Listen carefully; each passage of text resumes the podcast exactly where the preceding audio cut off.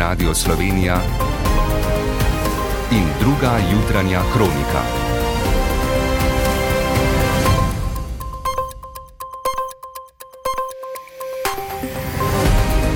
Ura je sedem.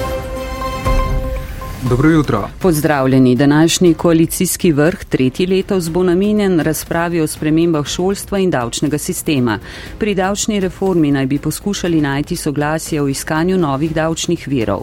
Med usmeritvami je po besedah premijeja Roberta Goloba znižati obremenitev dela, povišati obremenitev premoženja. Evropska komisija namerava danes predstaviti akt za industrijo z neto ničelnimi izpusti. Gre za del zelenega industrijskega načrta, ki naj bi olajšal in pospešil prehod v brezoglično družbo. Kmetje na Ljubljanskem barju in planinskem polju, ki imajo parcele v območju Natura 2000, bodo morali od letos upoštevati nove omejitve pri kmetovanju. Razlog je izginjanje nekaterih redkih vrst in habitatov, zaradi česar je Brusel uvedel sodni postopek proti Sloveniji. Andrej Bibic z Ministrstva za naravne vire in prostor. In Republika Slovenija je bila dolžna odreagirati z vključitvijo plačila Natura 2000 v strateški načrt in z uvedbo režima.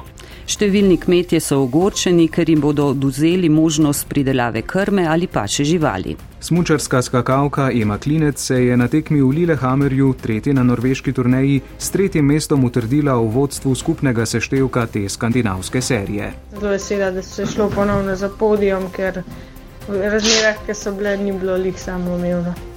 Oblačno bo, v zahodnih krajih bo občasno deževalo, popovdne in zvečer se bo dež razširil nad vso Slovenijo. Z vami sva Biljana Polak in Blaž Pernat. Vladni trojček, gibanje Svoboda, socialni demokrati, levica bo imel danes na Brdu pri Kranju tretji koalicijski vrh letos. Po januarski razpravi o reformi zdravstva in februarski o plačnem sistemu danes po napovedih prihajata na vrsto davčna in reforma šolstva. Vsebinsko bo izkupiček tudi tretjega vrha takšen, kot je bil prvi, pri prvih dveh.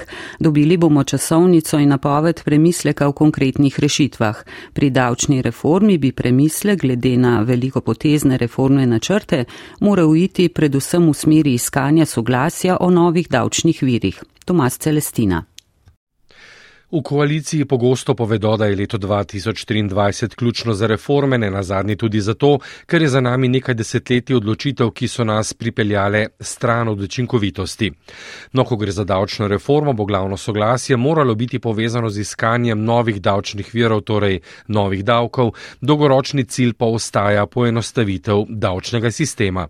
Edina, a sicer drobna konkretna usmeritev je tudi tole, premijer Robert Golob. Znižati obremenitev dela, povišati obremenitev premoženja.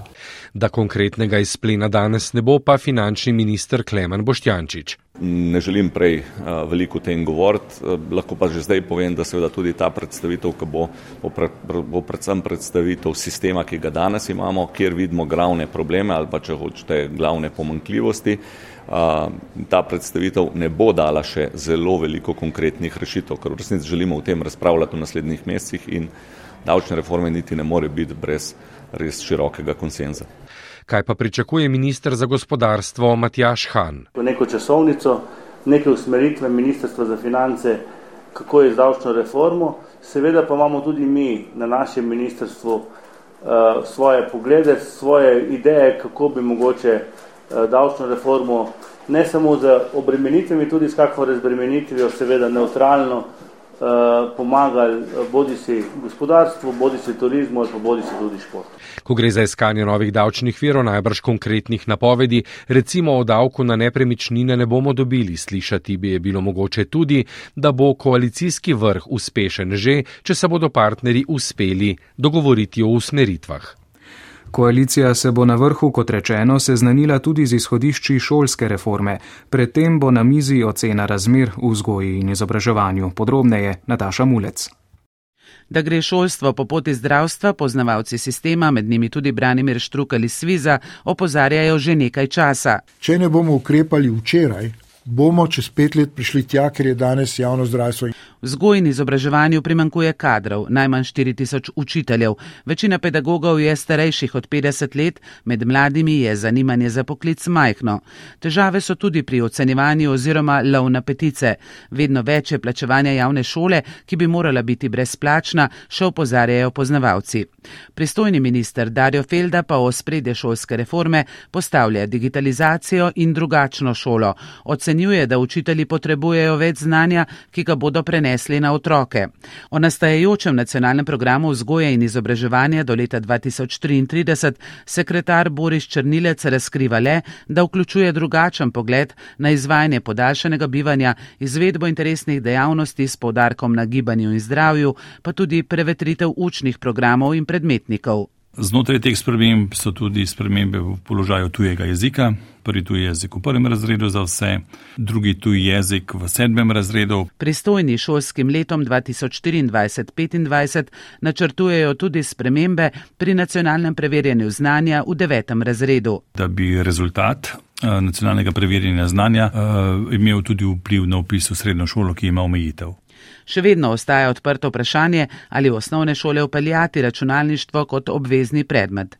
Pristojni pa bodo morali v okviru reforme ali zunaj nje na neki točki najti tudi odgovor glede vpliva če dalje bolj prisotne umetne inteligence na izobraževalni sistem. Danes bo letna volilna konferenca sindikata zdravnikov in zobozdravnikov Fides.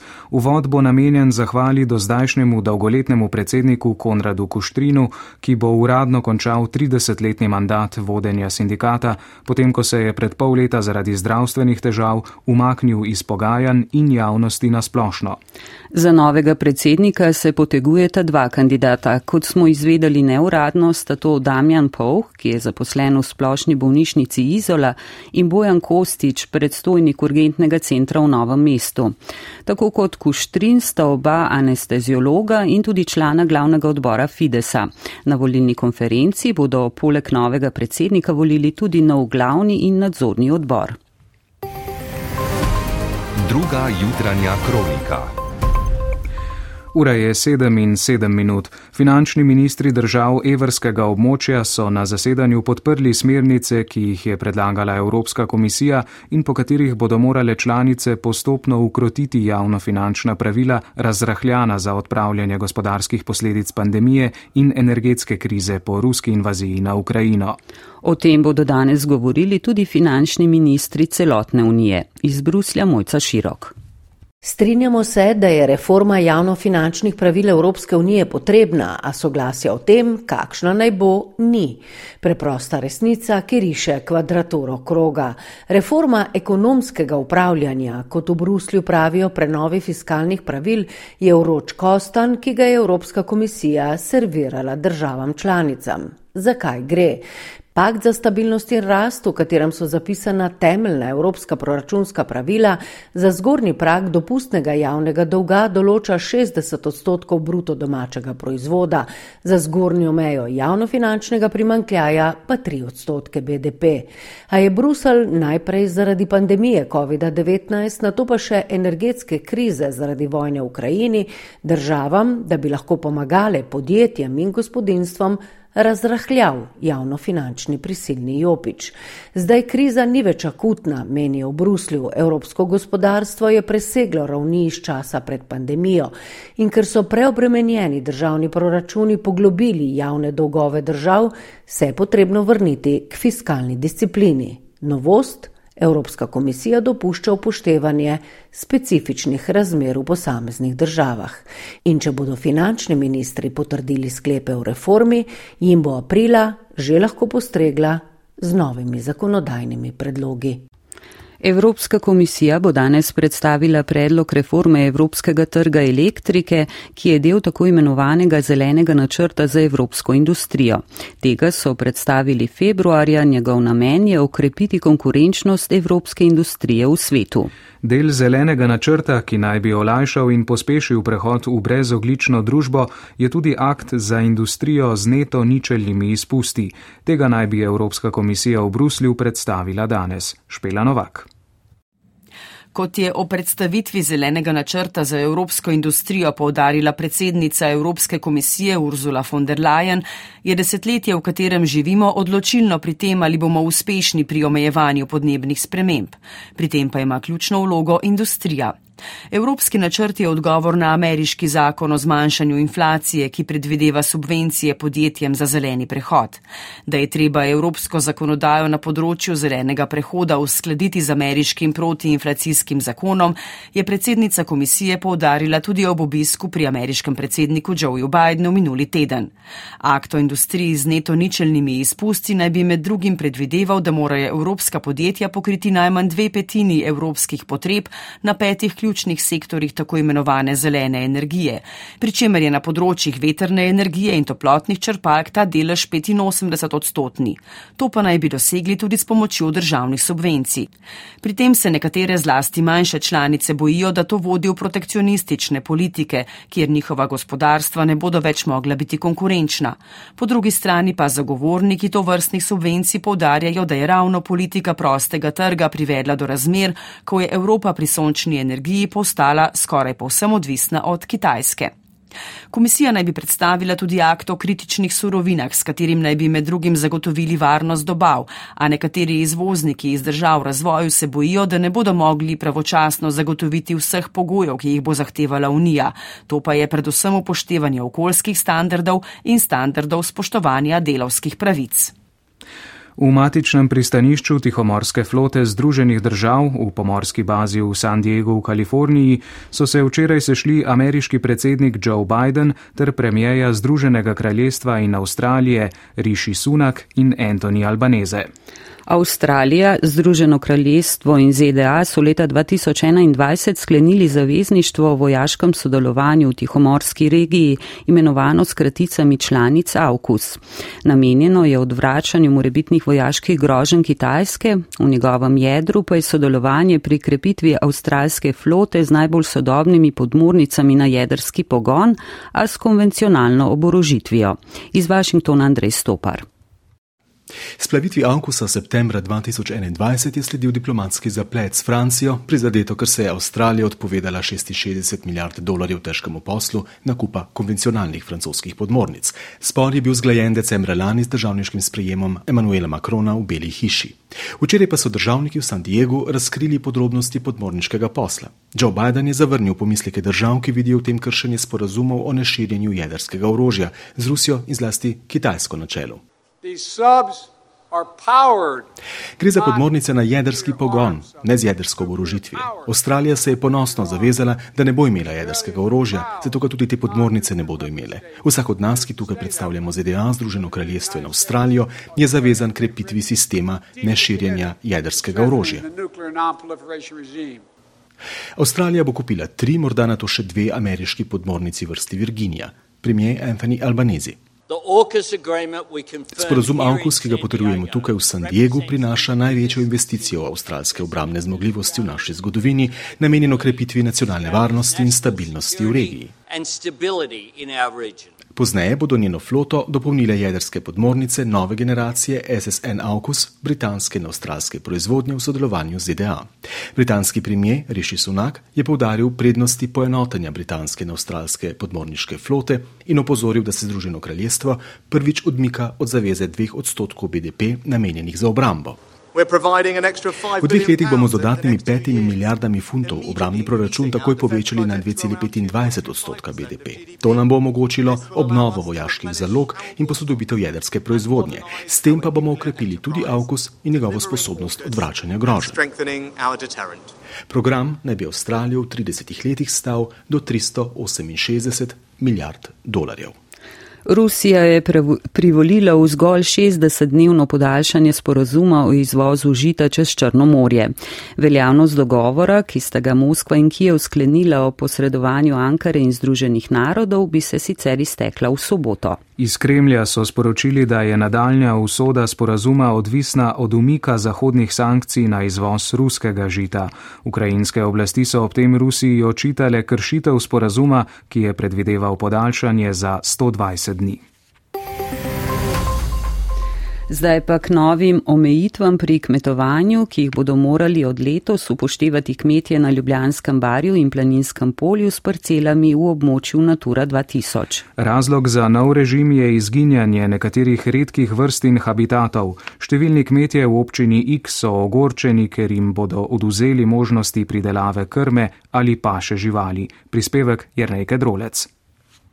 Mnogi kmetje, katerih zemlišča se nahajajo znotraj prve varstvene cone krajinskega parka Ljubljansko barje in na območju Natura 2000 na planinskem polju, niti ne vedo, da bodo morali letos, glede na predlog uredbe programa upravljanja na območju Natura 2000, na določenih travniških površinah upoštevati nove omejitve pri kmetovanju, med drugim prepoved paše, prepoved gnojenja, poznejši datum prve košnje.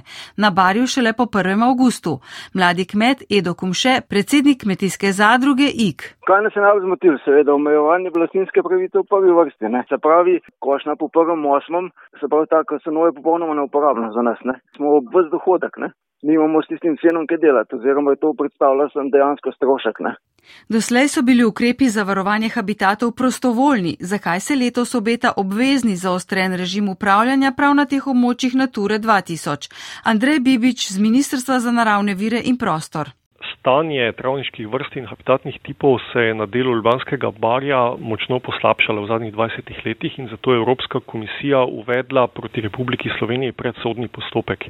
In Republika Slovenija je bila dolžna odreagirati z vključitvijo plačila Natura 2000 v strateški načrt in z uvedbo režima. Spletna predstavitev novega režima bo potekala jutri in v četrtek. Občina IK pa bo v sodelovanju s kmetijsko zadrugo 16. marca organizirala okroglo mizo v zvezi s to perečo problematiko. Predlog uredbe o programu upravljanja na območju Natura 2000 za obdobje do 2028 je v javni obravnavi še do 25. marca. Povzemimo, temi današnjega koalicijskega vrha bosta po napovedih davčna in šolska reforma. Koalicijski partnerji naj bi izoblikovali zgolj časovnico in usmeritve obeh reform. Pri oblikovanju davčne bo ključno soglasje o iskanju novih davčnih virov, pri šolski med drugim napovedujejo digitalizacijo šole ter več novosti pri predmetnikih in nacionalnem preverjanju znanja v devetem razredu osnovne šole. Povejmo še, da so od polnoči pogonska goriva dražja. Tako za liter bencina kot dizla je treba ponovno odšteti 1,5 centa več kot doslej. Liter kurilnega olja je dražji za 1,9 centa. Sledi še šport, v katerem najprej o sinočnjem tretjem mestu Eme Klinec na tretji tekmi norveške skakalne turneje. Z vami bo Klemen Verlič. Preživite prijeten torek. Nasvidenje.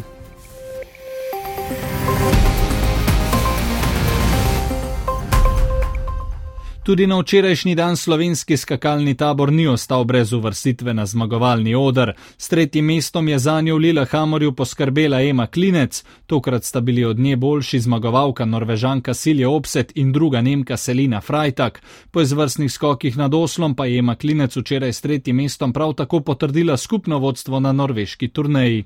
Zelo težka tekma. Uh, najbolj sem vesela, da mi je uspelo ohraniti fokus. Uh, bilo je kar veliko motivnih dejavnikov in uh, sem zelo vesela, da se je šlo ponovno za podijom, ker v razmerah, ki so bile, ni bilo lih samo umevno. Šesto mesto je zasedla Nika Križnar, do vrstitve karijere pa je prišla 13. Katra Komar. Točke svetovnega pokala sta osvojili tudi 22. Nika Prevc in 27. Maja Vtič. Danes tekma svetovnega pokala v Lillehammerju čaka še skakalce, ki so včeraj opravili s kvalifikacijami. Vseh šest slovencev se je zvrstilo v prvo dvajseterico. Najboljši med njimi je bil sedmi Anžela Nišek. Kvalifikacije je dobil domačin Halvo Regner Granerud, ki je tudi prevzel vodstvo v seštevku norveške turneje. Tudi smučarski tekači so po svetovnem prvenstvu v planici svetovni pokal nadaljevali minuli konec tedna nad Oslom, kjer so se merili na najdaljših preizkušnjah. Danes pa je pred njimi nov sprint za svetovni pokal.